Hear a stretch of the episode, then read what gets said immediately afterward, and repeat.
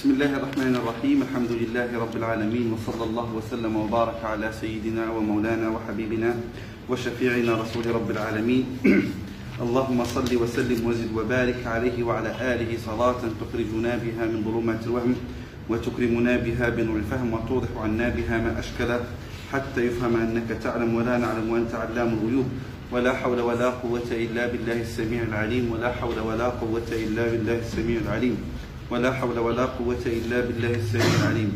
يقول سيدنا الإمام أبو محمد عبد الله بن أبي زيد القيرواني رضي الله تعالى عنه وأرضاه. باب ما تنطق به الألسنة وتعتقده الأفئدة من واجب أمور الديانة من واجب أمور الديانة أو من واجب أمور الديانات على حسب الروايات. ما قلنا وقع قبل هذا في المقدمة أنه في رواية من واجب أمور الديانة وفي رواية من واجب أمور الديانات. نفس الأمر واقع. هذا اختلاف في الروايات مش نسخ. اختلاف في الروايات وليس اختلاف نسخ. تمام؟ لابد من الآن التنبيه والتدقيق في هذه النقطة. فرق بين الرواية وبين النسخة. فرق بين الرواية وبين النسخة. قال رضي الله عنه من ذلك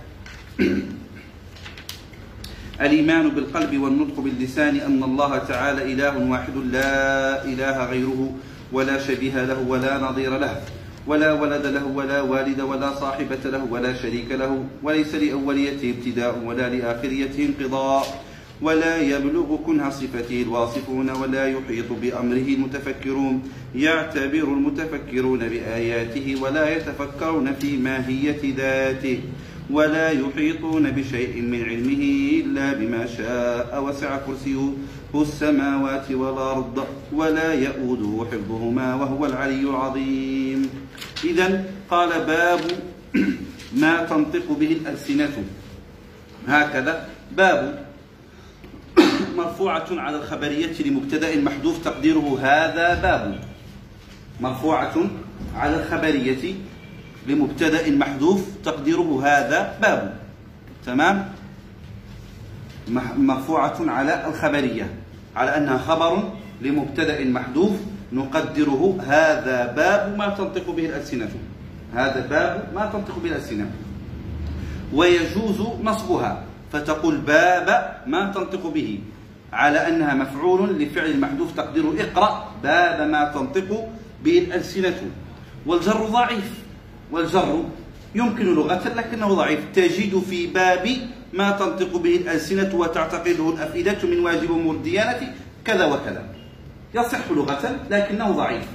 لبعد تقدير تجد في باب. يعني تقدير إيه؟ كثير. لهذا هي ماذا؟ بالرفع أو لا. بالرفع أو لا. تمام؟ والباب لغة والباب لغة قالوا والطريق إلى الشيء. هو الطريق إلى الشيء. وما يدخل به أو ما يوصل من الداخل إلى الخارج وما يوصل من الخارج إلى الداخل سواء كان حسيا كباب الدار وسواء كان معنويا ماذا؟ في غير ذلك كباب الكتاب مثلا. ومنه من الحس من المعنوي قول الشاعر في حق سيدنا رسول الله أنت باب الله أي امرئ أتاه من غيرك لم يدخل. تم هذا معنوي. فالنبي صلى الله عليه وآله وسلم باب الله فلا يتوصل إلى الله ولا يوصل ولا يصل شخص إلى الله سبحانه وتعالى إلا من طريق الحبيب الأعظم صلوات ربي وسلامه عليه.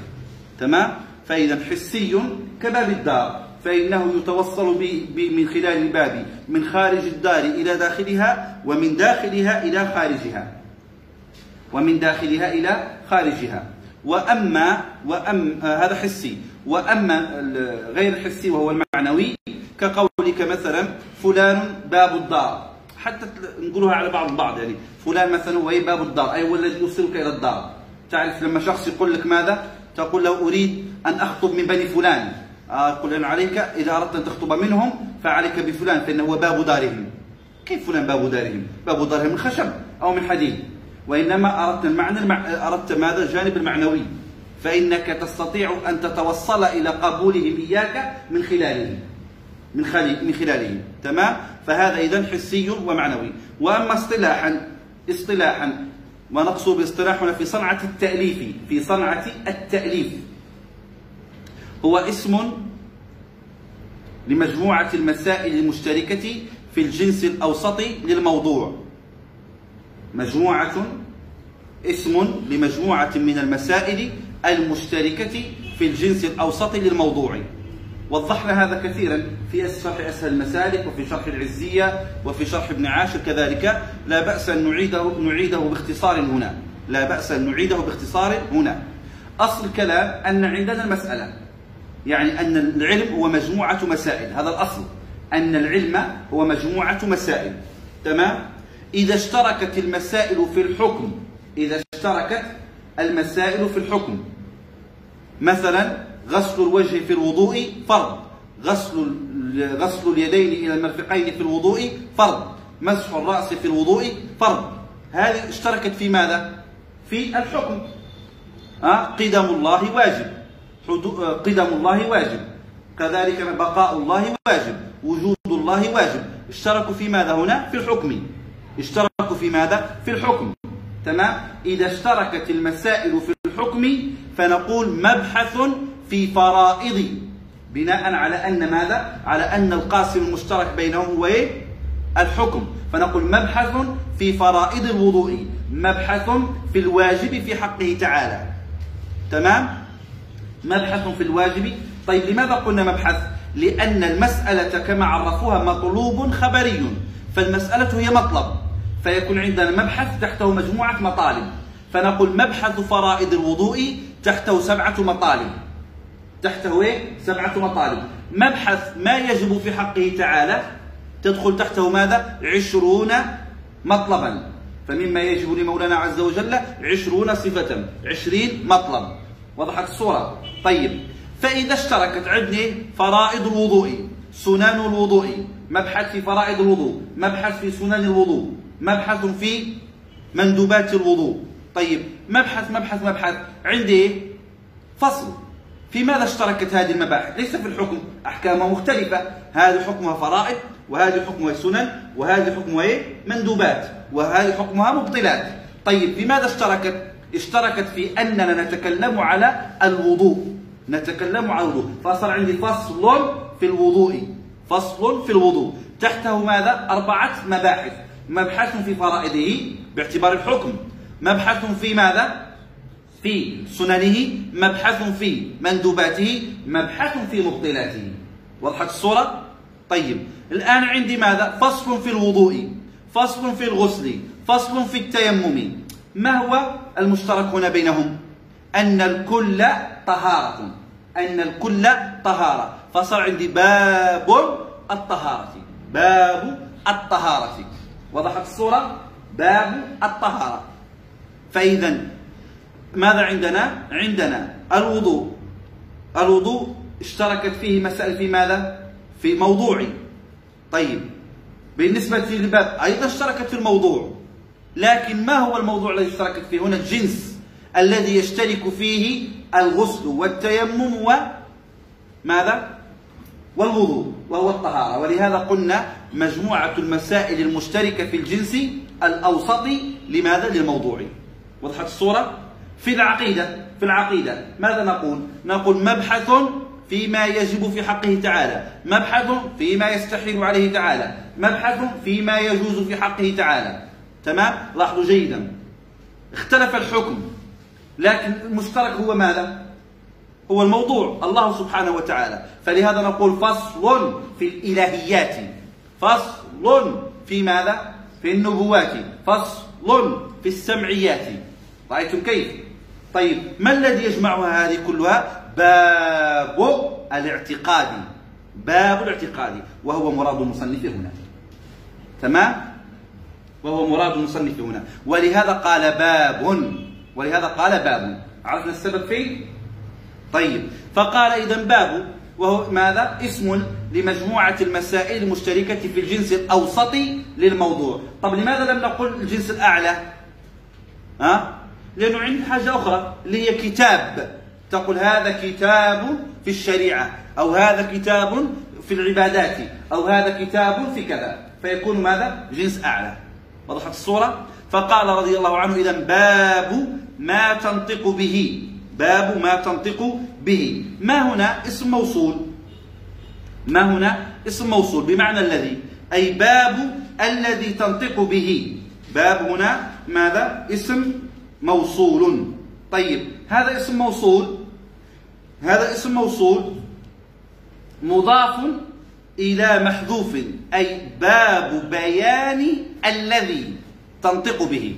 باب بيان الذي أو باب في بيان الذي على تقدير محذوف باب في بيان الذي أو باب بيان الذي. فهنا ما إذا بمعنى الذي اسم موصول بمعنى الذي. تمام؟ باب في بيان الذي تنطق به الألسنة. تنطق به الألسنة. تنطق من نطق ينطق تنطق نطق ينطق نطقا نطق ينطق نطقا. تمام؟ نطق ينطق نطقا. بمعنى تلفظ. بمعنى إيه؟ تلفظ.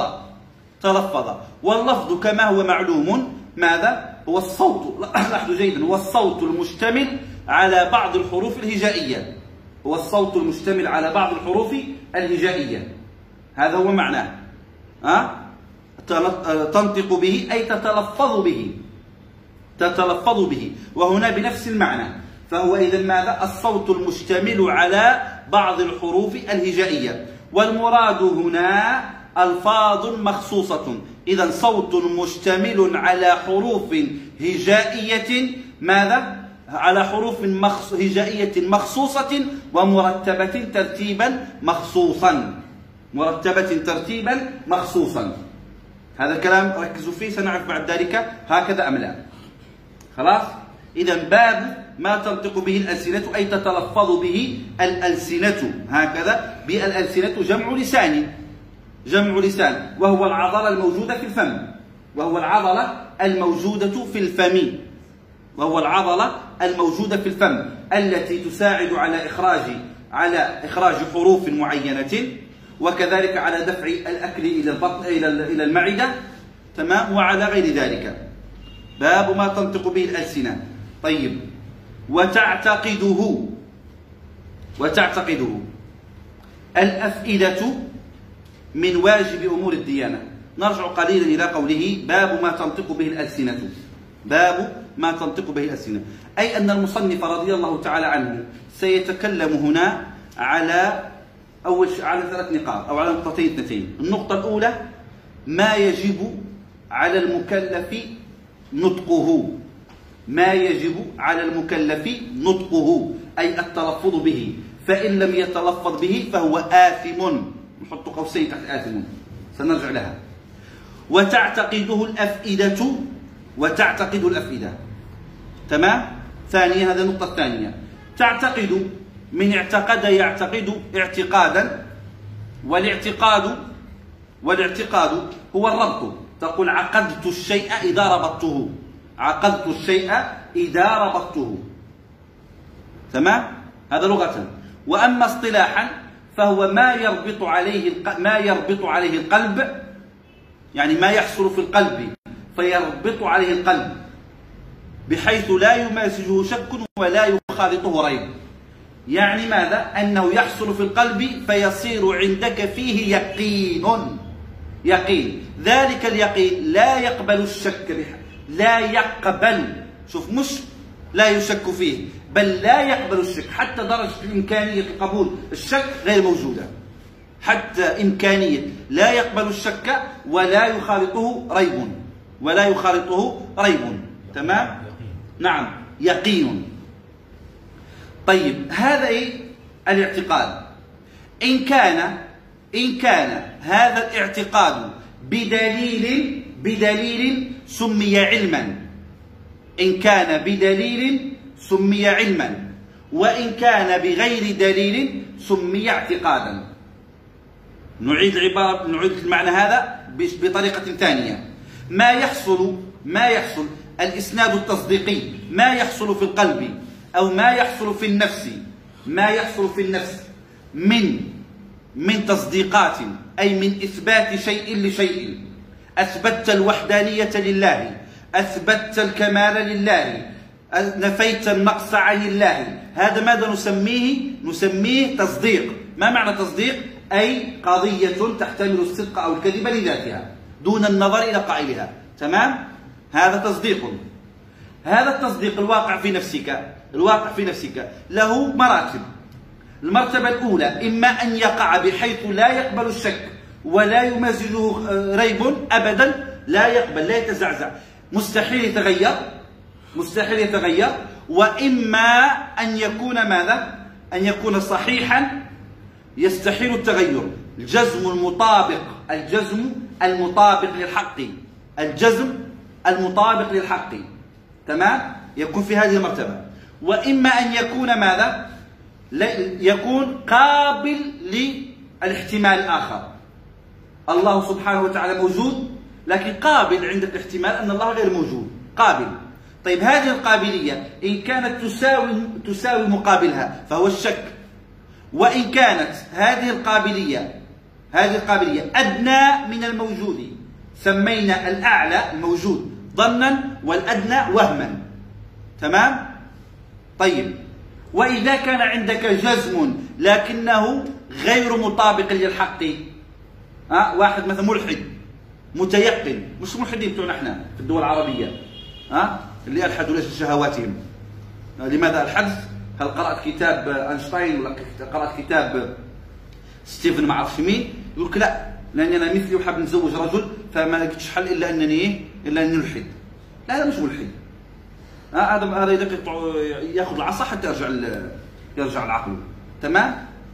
طيب. فالملحدين اللي هم في الغرب الناس اللي قارية على الإلحاد مقتنعة. مقتنعة. فهذا ماذا عندهم جزم لكنه مخالف للحق. مخالف للحق. فهو جهل مركب. فهو جهل مركب. إذا صار عندنا مراتب ماذا؟ الإسناد التصديقي كم؟ خمسة. أول شيء يقين. يقين. جزم مطابق للحق. ثانيا ماذا عندي؟ شك. ثالثا عندي ظن رابعا عندي وهم خامسا عندي جهل مركب. تمام؟ نرجع إحنا لفين لليقين. نرجع لليقين. اليقين الذي هو الجزم المطابق. إذا كان بدليل سمي علم. سمي علما وسمي معرفة. وسمي معرفة. فالمعرفة والعلم هي الجزم المطابق ماذا؟ عن دليل. هي الجزم المطابق عن دليل. تمام؟ طيب. وإن كانت بغير دليل جزم مطابق للحق بغير دليل ماذا تسمى؟ تسمى اعتقادا صحيحا. اعتقادا صحيحا. طيب. فإن كان جزم جزم لكنه مخالف للحق بغير دليل ماذا يسمى؟ اعتقاد فاسد كاعتقاد النصارى واليهود. وضحت الصورة تخرج عندنا كل كم؟ حيخرج لنا كم في الأخير؟ سبعة. ستخرج لنا سبع مقامات. نعيدها. أول شيء عندنا العلم. أعلاها العلم. وهو الجزم المطابق للحق عن دليل. تؤمن أنه لا إله إلا الله. لماذا؟ لأنه عندك براهين ساطعة وأدلة قاطعة في أن الله سبحانه وتعالى موجود. تمام؟ هذا ماذا؟ علم. الجزم المطابق عن دليل. تحته يأتي ماذا؟ الاعتقاد الصحيح. الاعتقاد الصحيح. وهو الجزم المطابق للحق عن غير دليل. عن غير دليل. واحد ماذا؟ يؤمن. يؤمن بوجود الله سبحانه وتعالى. لكن إن قلت له ما هو الدليل؟ يقول لك هذا أمر معروف. ما لا يستطيع أن يقيم برهانا على ذلك.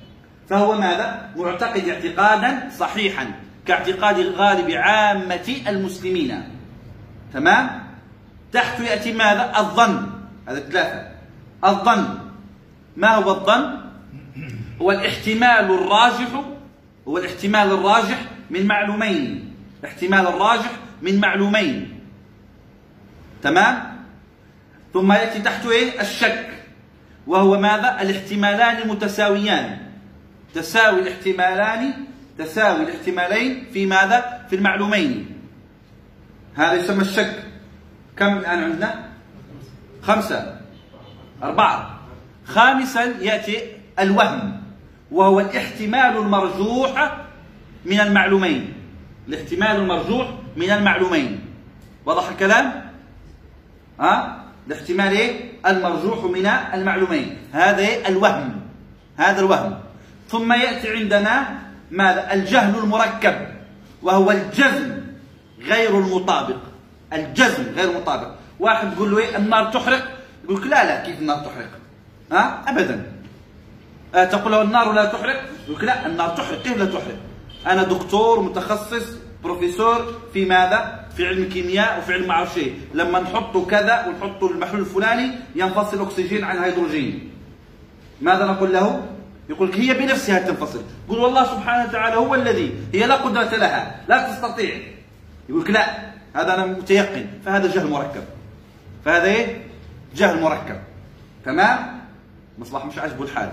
طيب. هذا إيه؟ الجهل المركب. طبعا أحسن من الجهل المركب يعني السادس هو الجهل البسيط وهو عدم معرفة المعلومة. عدم معرفة أصلا.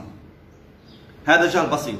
إذا المراتب أعلاها العلم ويسمى المعرفة الجزم مطابق عن دليل ثم الاعتقاد الصحيح ثم الظن ثم الشك ثم الوهم ثم الجهل البسيط وأفسدها وهو الجهل المركب أفسدها وأشرها هو الجهل المركب فهمنا إزاي؟ طيب المصنف رحمه الله تعالى ماذا قال؟ قال رضي الله تعالى عنه باب ما تنطق به الألسنة وتعتقده. أي والذي تعتقده أي تجزم القلوب به. وهو الذي تجزم القلوب به. جزما مطابقا للحق لكن من غير دليل. لكن إيه؟ من غير دليل. تمام؟ لكن من غير دليل. وهذا أمر ملاحظ. أن المصنف رضي الله تعالى عنه لم ياتي بالأدلة اليقينية على صدق البراهين المذكورة في مقدمته. واضح الصورة؟ سؤالنا الآن لماذا لم يأتي بذلك؟ لأن المخاطب بهذه المعتقدات هم الصبيان. لأن المخاطب بهذه المعتقدات هم الصبيان. ونحن كنا قد علمنا بأن العقيدة إذا كان يخاطب بها عامة المسلمين أو يخاطب بها الصبيان فإنهم يلقنون المعتقدات الصحيحة دون التشويش عليهم بالأدلة العقلية الموقنة. تمام؟ خلاص؟ ولهذا صنف أبو حامد الغزالي كتابا سماه إلجام العوام عن علم الكلام. إلجام العوام عن علم الكلام. لكن إذا صار الإنسان هذا عنده قدرة على النظر عنده قدرة على النظر. نروح ساعتها عند ابن عاشر. قال ابن عاشر أول واجب على من كلف مال حالة كونه ممكنا من نظر آه هذا ما صار صبي صغير. ولم يعد من العامة الذين يشتغلون طول يومهم بحياتهم لا هذا مثقف يفتح فيسبوك ويشوف المنشورات ويتفرج في التلفزيون ويتبع حصص ويعرف أشياء. لا ما صارش عادي. آه ما يعرفش يقرأ نعم. لكن لما يسمع فيديوهات يفهم. فصار عرضة لوجود الشبهات. فصار عرضة لوجود الشبهات. ما دام صار عرضة لوجود الشبهات فصار وجوبا عليه أن يعرف المعتقدات ببراهينها وبأدلتها. لهذا قال ابن عاشر ماذا؟ ممكنا من نظر. آه، ماذا يجب عليه؟ أن يعرف الله والرسل إيه؟ طيب بعدين آه مما عليها نصب الآيات أي أقام الأدلة والحجج. ما يكفيش فقط أنك تعرفها هكذا. فهمنا إزاي؟ اذا هو التمييز دقيق. فابن أبي زيد القيرواني رضي الله عنه لما خاطب الصبيان الصبيان خاطب الصبيان فهم كحال عامة المسلمين الذين ينشغلون بطلب معيشتهم تمام؟ بعد أن استقرت العقائد الصحيحة في قلوبهم فهؤلاء لا يطالب لا يطالبون بالدرجة الأعلى وهي العلم والمعرفة. وإنما يكتفى بتلقينهم العقائد الصحيحة. فهمنا إزاي؟ فما يجيش واحد اذا ويقول بأن ابن أبي زيد القيرواني خالف منهج الأشاعرة فلم يستدل على المعتقدات بالأدلة العقلية واليقينية فلم يكن متكلما فلم يكن الرجل متكلما. قل له أنت لو رأيت فقط المقدمه لمن كتب رسالته لكنت قد أيقنت فهمت. ها؟ لو كنت قد فهمت. ولد صغير يحفظ في القرآن يروح يقول له والتالي في الست القضايا باطل ها؟ يقول اجتمع التساوي والرجحان خلونا بلا ها؟ خلونا بعقولنا أحسن. العقل زينة. العقل زينة هذا ولا لا يا شيخ صالح؟ تمام. فتروح عند طفل صغير. لكن ماذا يطلب منك هنا؟ أن تلقنه المعتقدات الصحيحة حتى تتمكن من قلبه كما قال في المقدمة. وضحت الصورة؟ طيب. قال وتعتقده. فالمراد إذا هنا ماذا؟ هنا هكذا. طيب. أما إذا كان المخاطب كبيرا فصار يجب عليه أن يعرف المعتقدات مش فقط كبيرا. يعني صار ماذا؟ عنده نظر وصار يفكر ويدبر. والله يعني لما يقرأ في منشور أو يسمع فيديو لواحد مثل عدنان إبراهيم إبراهيم اسمه عدنان إبراهيم إبراهيم؟ عدنان. ها؟ إبراهيم عدنان أو واحد من هذه الكفرة الكثيرين الآن على الفيسبوك الموجودين. تمام؟ اللي عندهم أفكار آه، كفرية. وهم في حد ذاتهم كفرة أصلا فلما تسمع لهم يتأثر بكلامهم. آه صح. القرآن الكريم كيف يقول يا أيها الذين آمنوا آمنوا؟ القرآن فيه تناقضات. كيف يقول يا أيها الذين آمنوا آمنوا؟ ما هم مؤمنين. كيف أمرهم بالإيمان؟ ها؟ لا القرآن فيه تناقضات. كيف القرآن الكريم يقول هكذا؟ طب كيف الدين هذا وقع؟ لا القضية صارت تحتاج إلى ماذا؟ كلام هذا كلام مقنع شوي. صح يا أحمد؟ قال نعم كيف مقنع تقني تمام؟ طيب ما دام إيه كلامه فصار هذا الإنسان يجب عليه ماذا؟ صار يجب عليه أن يعرف العقائد بأدلتها اليقينية. بأدلتها إيه؟ اليقينية. ما يقوليش نكتفي برسالة ابن أبي زيد القيرواني لا. لا أكتفي. طب واحد في كلية في كلية الفلسفة في كلية الفلسفة وفي هذا الزمان ليس فقط في كلية الفلسفة بل كثير من الكليات ككليات الأدب العربي أه؟ صار فيها ماذا؟ فلسفة الغربية. يقرأوا اللغة العربية بفهم تشومسكي. يا سلام تشومسكي هذا ألماني ولا ما أعرف بريطاني ولا بلجيكي ولا المهم أنه مش عربي. ويفهم اللغة العربية بماذا؟ بقواعد تشومسكي. تخيل. يعني أه؟ نقول فقط يا مثبت العقول. كمان أصله يهودي يا سلام. شوف هكذا ولا إيه؟ يستخدم ماذا؟ فلسفة اللغة الدينية عن طريق ستيفن كون. فلسفة اللغة الدينية عن طريق شوف اللغة الدينية طبعا بعدين هي في الحقيقة اللغة العربية عن طريق فلان. والأدهى والأمر يفهم تاريخ التشريع وتاريخ هذا الدين ويتعامل مع القرآن الكريم عن طريق جوزيف مش حتى يوسف جوزيف شاخت. يعني نقول يا مثبت العقول وخلاص. هذا شو نقول؟ ما عندي ماذا أقول؟ فهمنا إزاي؟ إذا كان إنسان يدرس في كلية الأدب العربي توجد هذه التناقضات أو في كلية الفلسفة بل ليس الأمر كذلك بل كان فقط في ماذا؟ دخل إلى مجموعة الملحدين العرب. مجموعة الملحدين العرب على الفيسبوك أو مجموعة الملحدين المغاربة أو مجموعة الملحدين ما أعرفش إيه. هذه كلها مجموعات فيها أعضاء نشيطين نشاط يستميت في الدفاع عن الإلحاد. هم في الحقيقة من وراء ذلك ماذا؟ طلب الشهوات. لا بهم لا دين ولا غير دين. تمام؟ طيب. فهذا يجب عليه أن يرتقي. حتى الأدلة اليقينية صارت غير مقنعة. وليست هي المطلوب. وليست هي المطلوب. بل صار لزاما عليه أن يعرف العقيدة بمعرفة كل ويعرف كيفية التقدم على المعتقدات الفاسدة ها؟ علم يقتدر معه على إثبات العقائد الدينية بإيراد الحجج ودفع الشبه إذا هذا لابد أن يرتقي أكثر من الكلام على فقط مجرد إيه؟ دليل منطقي وغير ذلك فهمنا إزاي؟ فعلمنا إذا بأن ابن أبي زيد القيرواني رضي الله عنه خاطب فئة معينة شرعا هذا هو الواجب في حقها فلا ينتقل هذا الحكم إلى من هو أعلى منهم أو أدنى منهم أو غير ذلك. وضحت الصورة قال إذا وتعتقده الأفئدة. الأفئدة جمع فؤاد. أفئدة جمع فؤاد. والمراد به القلب والمراد به القلب. المراد بالقلب هنا.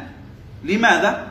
لأن المصنف رضي الله عنه في المقدمة بين لنا حينما قال رحمه الله تعالى حينما قال فإن ماذا؟ قال فإن الله سبحانه وتعالى فرض ماذا؟ فرض على آه، على إيه؟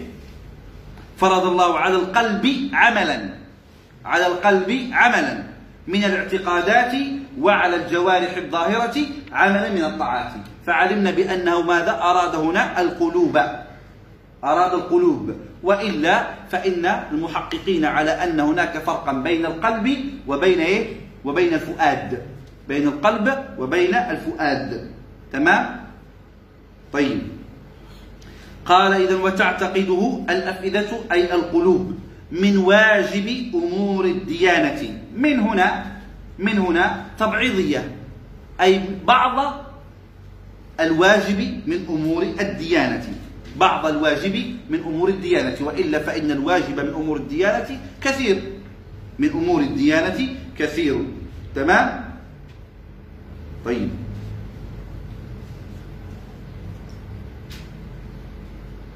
وقوله واجب هنا المراد به الواجب الشرعي.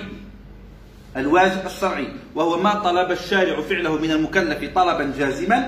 ما طلب الشارع فعله من المكلف طلبا جازما.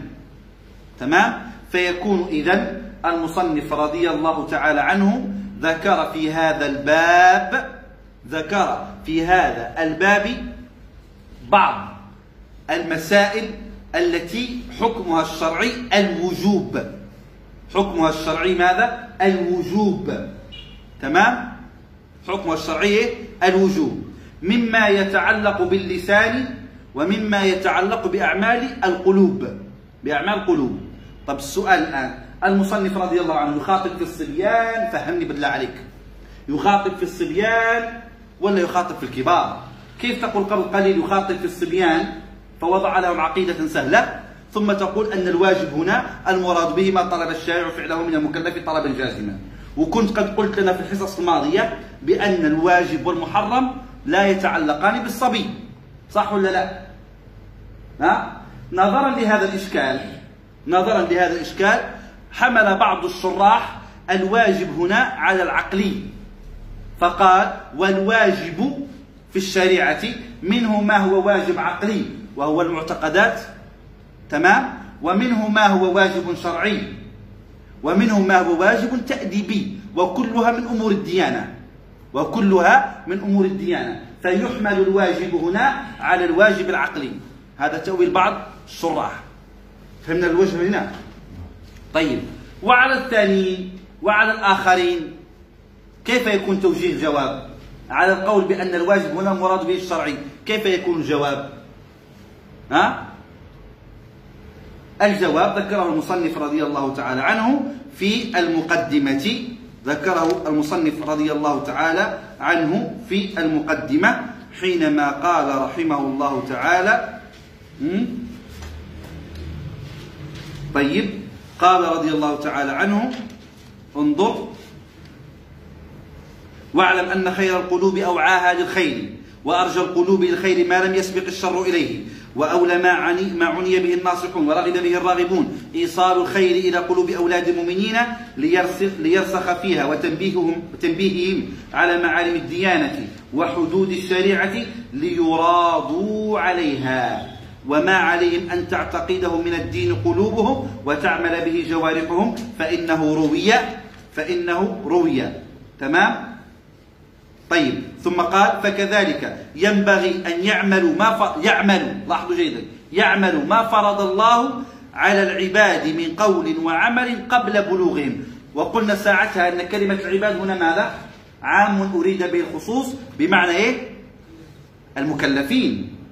إذا فيكون هنا ماذا؟ من واجب أمور الديانة المراد به المعنى الشرعي المعنى الشرعي الواجب على المكلفين وإنما لأن اشترط المصنف على نفسه أن يبين الواجبات الشرعية للصبيان حتى يرادوا عليها. فإذا جاء عليهم البلوغ كانوا قد ماذا؟ استأنسوا بها. فيبقى الحكم بمعناه وضح التوجيه وضح التوجيه الأول والتوجيه الثاني. ها؟ وضح التوجيهان. خلاص رقدت انت. جيبوا المخدر وسالم قال إذا باب ما تعتقد ما تنطق به الألسنة وتعتقده الأفئدة وهي القلوب من واجب أمور أمور جمع أمر. جمع أمر. وذكرنا بأن الأمر الأمر إذا جمع على الأمر إذا جمع على أمور فالمراد به الأفعال. وإذا جمع على أوامر فالمراد به الأقوال. أمر. إذا جمع على أمور فالمراد به الأفعال. تقول هذه أموري. والمعنى الشؤوني والمعنى شؤون. وإذا جمع الأمر على أوامر فالمراد به القول.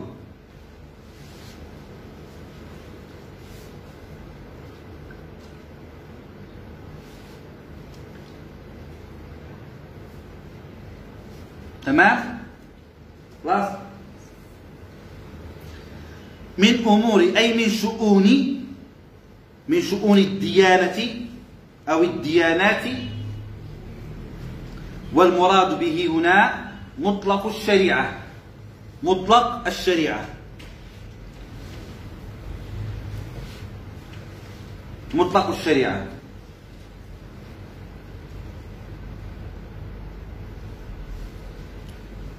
خلاص؟ واضح هذا الكلام جيدا. نرجع الآن لقوله رضي الله عنه باب ما تنطق به الألسنة. باب ما تنطق به الألسنة. ها؟ وتعتقد الأفئدة. يدل هذا العنوان على أن على أن الإيمان على أن النطق مطلوب لوحده دون الاعتقاد. أن النطق مطلوب والاعتقاد مطلوب لوحده. كل واحد منهما مطلوب لوحده. تمام؟ هكذا يدل لأنه جمع بينهم. فقال باب ما بيان الأش... ماذا؟ الواجب الذي طلب الشارع فعله طلب الشارع فعله على وجه اللزوم مما من نطق. والواجب الذي طلب الشارع ماذا؟ فعله من الاعتقاد. صح؟ فدل على أن هذا لوحده وهذا لوحده. صحيح؟ طيب. وهو أحد قولين في المسألة. ما هي المسألة أصلا؟ المسألة هل, هل النطق بالشهادتين؟ هل النطق بالشهادتين شرط في الإيمان أو شطر في الإيمان؟ هل هي ركن من أركان الإيمان؟ هل هي ركن من أركان الإيمان؟ يعني هل التلفظ ركن من الاعتقاد الصحيح أم لا؟ أم هي شرط في الاعتقاد؟ فهمتوا المسألة؟ هل التلفظ ركن من أركان الإيمان؟ فمن لم يتلفظ بالشهادتين لا يسمى مؤمنا. لا يسمى مؤمنا. ولا يسمى معتقدا اعتقادا صحيحا. لا يسمى معتقدا اعتقادا صحيحا.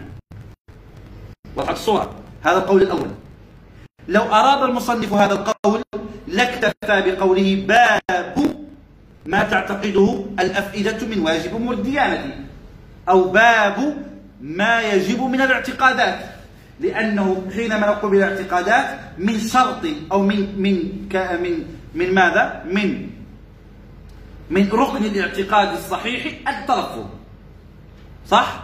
لكن لما غاير علمنا أنه أراد أن التلفظ ليس ركنا من أركان الاعتقاد الصحيح وإنما شرط في الاعتقاد الصحيح. شرط. وضحت الصورة؟ طيب هل هو شرط في صحة الاعتقاد أم شرط في كمال الإيمان في كمال الاعتقاد الصحيح؟ التلفظ بالشهادتين. شرط في صحة الاعتقاد. ها؟ ما رأيكم؟ مالك تنحت كده ليه؟ شرط كمال. ها؟ شرط كمال. حاج كمال اليوم ضحك. إيه رأيك؟ كمال كمال كمال. صحة كمال. لو قلنا شرط صحة صار لا فرق بينه وبين كونه ركنا. لا فرق بين كونه وكون وكونه ركنا. وهذا هو مذهب مين؟ التكفيريين.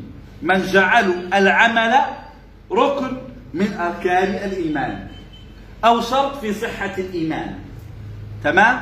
يعني إذا لم تصلي فأنت كافر فيحق قتلك. وبناء عليه قامت الدعاوى من؟ دعاوى الداعشية وغيرها. بتكفير المسلمين بسبب المعاصي. بسبب فعل المعاصي. لأن عندهم أن العم أن ماذا؟ أن العمل والتلفظ شرط في ماذا؟ في الصحة أو ركن في ركن الأركان. خل طيب فإذا عندنا ماذا؟ من قال بأنه شرط صحة لا فرق بين قوله هذا وقول ماذا؟ آه بالشطرية. طيب ما دام لا فرق بينهم من حيث المعنى فقط هو خلاف لفظي نعم هو خلاف لفظي من حيث الأثر لكن من حيث التحقيق هل الإيمان مركب أو بسيط هل الإيمان مركب أو بسيط؟ فعلى أنه بسيط يكون ماذا؟ التلفظ شرط صحة. وعلى أنه مركب فيكون التلفظ شرط ماذا؟ فيكون التلفظ ركن. لكن من حيث الأثار أثار واحدة. كما حرره مين؟ ها؟ الجوهرة؟ ما أعرفش الجوهرة لكن عند الطيب الوزاني رضي الله عنه. تمام؟ فهمنا الكلام؟ نعيد. عندنا مسألة. هل التلفظ بالشهادتين ركن من أركان الإيمان؟ أو هو ماذا؟ شرط في الإيمان في الاعتقاد الصحيح. وعلى أنه شرط هل هو شرط كمال أو شرط صحة؟ أو هو شرط صحة. تمام. طيب. على أنه على أنه ركن ركن من أركان الإيمان هذا القول هذا القول نسبه الإمام السيوطي لأكثر السلف على أنه ركن شطر وهو المعروف عن أبي حنيفة وروي عن الشافعي رضي الله عنه من أن التلفظ ركن من أركان الإيمان. تمام؟ وعلى أنه شرط قلنا شرط صحة وقيل شرط كمال وهو مذهب جمهور المتكلمين من شرط كمال. وضحت الصورة؟ طيب شرط في حق من؟ في حق القادر على التلفظ بالشهادتين. بمعنى أن الأخرس أن الأخرس لا يشترط عليه التلفظ. الأخرس لا يشترط عليه التلفظ. تمام؟ طيب العجمي العجمي الذي لا يستطيع التلفظ بالعربية هل يشترط عليه التلفظ بمعناها نعم يشترط عليه التلفظ بمعناها ولا يشترط عليه خصوص الشهادتين. وضحت المسألة دي؟ فهذا الشرط التلفظي أن يكون قادرا على التلفظ فيها التلفظ بها. تمام؟ طيب إذا محل المسألة إذا كان قادرا على التلفظ بها فإن كان عاجزا عن التلفظ بها لا يدخل في الخلاف أصلا. خلاص؟ فإذا كان قادر عليه قادر على التلفظ بها ففيه الثلاثة أقوال. الثلاث أقوال. قيل شرط كمال وقيل شرط ماذا؟ وقيل شرط صحة وقيل شطر. وقيل شطر. أي ركن من أركان الإيمان. وضحت الصورة. طيب. قال لي صاحب الجوهرة؟ ها؟ ها؟ وفسر الإيمان بالتصديق والنطق الخلف فيه بالتحقيق. والنطق الخلف فيه بالتحقيق صح؟ ثم قال إيه بعدها؟ ها؟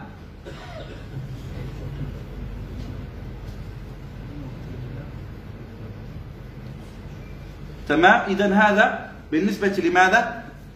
للنطق فظاهر المصنف رضي الله عنه أنه مشى أنه مشى على ماذا؟ مشى على القول بأنها شرط وليست ركن. وليست ركن. وضحت الصورة. طيب نرجع الآن إلى كلمة. قلنا أن أن النطق هو اللفظ صح؟ تلفظ. وهو الصوت المشتمل على حروف هجائية صحيح. ثم قلت بعد ذلك هو تلفظ هو صوت مشتمل على حروف هجائية مخصوصة على ترتيب مخصوص. على ترتيب مخصوص. طيب السؤال الآن. هل يشترط في التلفظ بالشهادتين هو هذه اللفظة.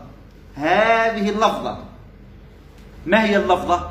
أشهد أن لا إله إلا الله وأشهد أن محمد رسول الله. فإن نطق بغيرها لم يصح إيمانه.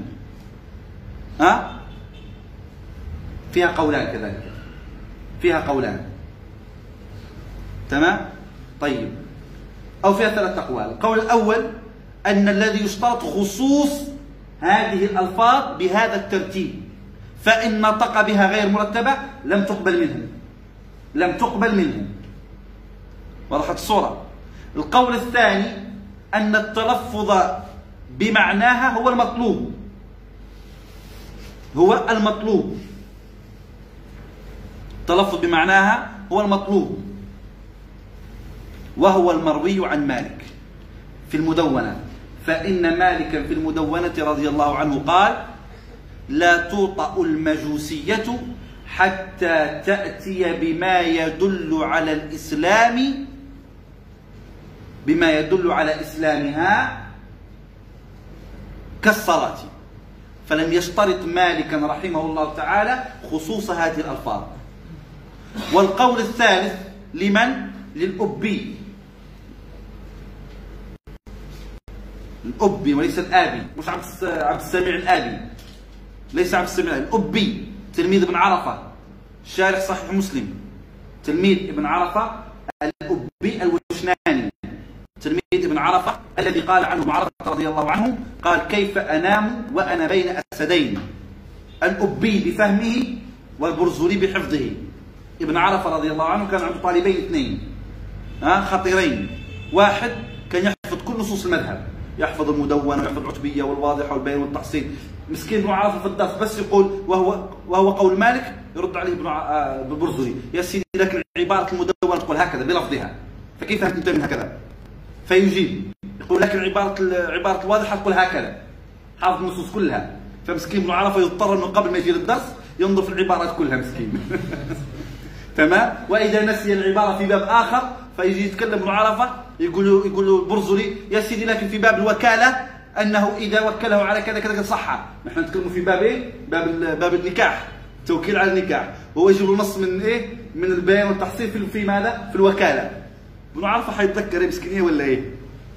فيضطر ابن عرفة إنه يرجع لكل النصوص قبل إيه ما يخرج الدرس وبين ما لا الأبي بفهمه الأبي الأبي هذا كان ذكي جدا وكان يركز على العلوم العقلية.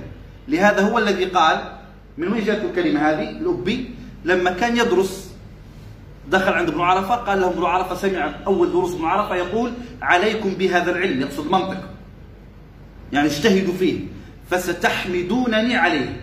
يعني بالزمن لما تكبروا وتخرجوا من مدرسة وتصيروا تحمدونني أو تحمدونني على هذا العلم. تعرفوا قيمته بعدين مش الآن. فأخذها الأبي في ذهنه. هذه المعلومة. واعتنى بالعلوم العقلية أيما اعتناء فصار كل ما يقول ابن عرفة قول ولا حال ولا أو شيء يقول الأبي لكن يا سيدي هذا القياس كبراه باطلة لأنه كذا كذا. أو صغراه لا تصح لأنه كذا كذا. النتيجة يا سيدي لا تتركب لأنه هكذا. فصار ابن عرفة قبل ما يخرج الدرس لازم يحضر مسكين. ها الأبي رحمه الله تعالى ماذا قال؟ ماذا قال؟ قال أن الواجب أن الواجب خصوص الألفاظ لا خصوص الترتيب. خصوص الألفاظ لا خصوص الترتيب. بمعنى ماذا؟ لو قال لو قال أقول أن محمد رسول الله وأنا أشهد أنه أن أن هناك إلها واحدا. قبل منه ذلك. أعيد العبارة لما حكينا قصة خرجتوا نسيتوا ها؟ كنا نقول بأن تلفظ بالشهادتين. هل يشترط خصوص العبارة أم لا؟ ثلاث أقوال. القول الأول أن نفس العبارة شرط. والعبارة الثانية أنها ليست بشرط وهو المروي عن مالك. ها؟ أنا حاب نقول كلمة هنا وقفت لي هنا وهو المروي عن إيه؟ عن مالك. هذه أول مسألة يخالف فيها ابن أبي زيد آه، مالكا. فما يجيش واحد يقول لي بعد ذلك أن إيه؟ أن ابن أبي زيد ماذا؟ قد نقل عقيدة الإمام مالك كما هي في هذه الرسالة. هذه أول مسألة أصلا. لأن مالك النطق عنده ليس شرط أصلا. فكل ما يدل على الدخول في الإسلام قبل. فعند مالك إذا أصلا عبارة باب ما تنطق به الألسنة ليس بواجبا أساسا. فإذا ابن أبي زيد خالف مالك هنا أصلا. فما يجيش واحد إذا ويقول لي بأن ابن أبي زيد ماذا؟ لو أردت أن تتبع عقيدة مالك فعليك برسالة ابن أبي زيد القيرواني. بل ابن أبي زيد القيرواني خالف مالكا رضي الله عنه في العنوان ابتداء في أول مسألة. فهمت إزاي؟ ما يجيش واحد يقول لي أنك مفترض تكون مالكي في العقيدة ومالكي في الفقه ومالكي في ماذا؟ في التصوف. في العقيدة يقولوا حجيبها منين؟ يقول عليك بمقدمة ابن أبي زيد القيرواني. يا رجل والله. آه والله. ها؟ مين قال لك الكلام ده؟ هذا العلماء الكبار كلهم قالوا هذا الكلام. مين العلماء الكبار؟ عبد المحسن البدر اسمه المحسن البدر اسمه إيه؟ قطف الجنداني في شرح رسالة ابن أبي زيد القيرواني. آه في شرح عقيدة ابن أبي زيد القيرواني. العالم الكبير اسمه العربي بالعربي المؤمن. المناهج الزلالة اسمه المناهج الزلالة. فلان فلان فلان هؤلاء الكبار لكن أول ما تشوف العنوان يخالف نص مالك أصلا يخالف قول مالك فهمتوا إزاي؟ وما زال يا ما حتشوفه. ويزال يا ما حنشوف. طيب ها؟ خير إن شاء الله. خير أكيد طبعا. خير أكيد طبعا. فقلنا اذا هل التلفظ نفسه شرط وهو قول الجمهور؟ لا لا يشترط نفس اللفظ وهو مذهب مالك. القول الثالث أن ماذا؟ الترتيب ليس شرطا وإنما الألفاظ شرط. لهذا في البداية قلت لكم ركزوا. لما قلت أن ماذا؟ في هذا الموضع النطق هو إيه؟ صوت مشتمل على حروف هجائيه مخصوصة بترتيب مخصوص هذا على مذهب الجمهور. ها؟ فهمتوا إزاي؟ على مذهب الجمهور. ولهذا بماذا؟ بحروف مخصوصة وهي ألف شين ها دال. تمام؟ ألف لام ألف. إيه ألف لام؟ ألف كذاك. أشهد أن لا إله إلا الله. هذه بترتيب مخصوص. فإن تغير الترتيب لا يقبل. خلافا للأبي. وإن لم يؤت بهذا الترتيب لا يقبل. خلافا لمالك رضي الله عنهم أجمعين. وضحت الصورة. إذا باب ما تنطق به الألسنة. والنطق بالشهادتين المشهور عندنا أنه شرط أنه شرط في قبول الأعمال وإجراء الأحكام الظاهرة. شرط في إجراء الأحكام الدنيوية. فإذا من لم يتلفظ بالشهادتين ولو كان موقنا ولو كان موقنا في قلبه ولو كان موقنا في قلبه ولو كان موقنا في قلبه فإننا لا نجري عليه الأحكام الظاهرة. لا نجري عليه الأحكام الظاهرة. فإذا مات لا نغسله ولا نكفنه ولا نصلي عليه ولا ندفنه في مقابر المسلمين ما قلناش إنه حيوان ترميه في المزبله يجي واحد يقول ها كيف تقول هالكلام؟ غسله لوح عليه أي ماء تمام؟ وحطه في أي كيس أي أي قصدي أي قماش واحفر أي حفرة وضعه فيها. لكن ما يعنيش إنك إيه؟ أنك ماذا؟ طبق عليه الاحكام الشرعيه فكل من لم يتلفظ بالشهادتين لا تجري عليه الأحكام الدنيوية. وإذا تلفظ بالشهادتين نجري عليه الأحكام الدنيوية ولو كان في قلبه كافرا كالمنافقين وضحت الصورة؟ طيب فإذا لم يتلفظ بالشهادتين لا نجري عليه الأحكام الدنيوية خلافا لابن رشد جد فإنه قال رضي الله تعالى عنه إذا أجمع على الإيمان إذا أجمع على الإيمان ثم أدركته المنية قبل التلفظ. خلاص اقتنع وقال خلاص ما فيش حرج. لا مشكلة أنا حندخل الإسلام. تمام؟ لكن أدركته المنية قبل أن يتلفظ. قبل أن يتلفظ. فعند ابن رشد الجد رحمه الله تعالى يغسل ويكفن ويصلى عليه خلافا للجمهور. وضحت الصورة؟ نعم. اللي أيضا نعم باعتبار نعم وضحت المسائل هنا كلها. هذا إذا باب ما تنطق به الألسنة وتعتقده الأفئدة من واجب أمور الديانة. ثم قال من ذلك نسأل الله أن يعلمنا ما ينفعنا وأن ينفعنا بما علمنا. إنه على ما يشاء قدير وبالإجابة جدير ونعم المولى ونعم النصير. وصلى الله على سيدنا محمد.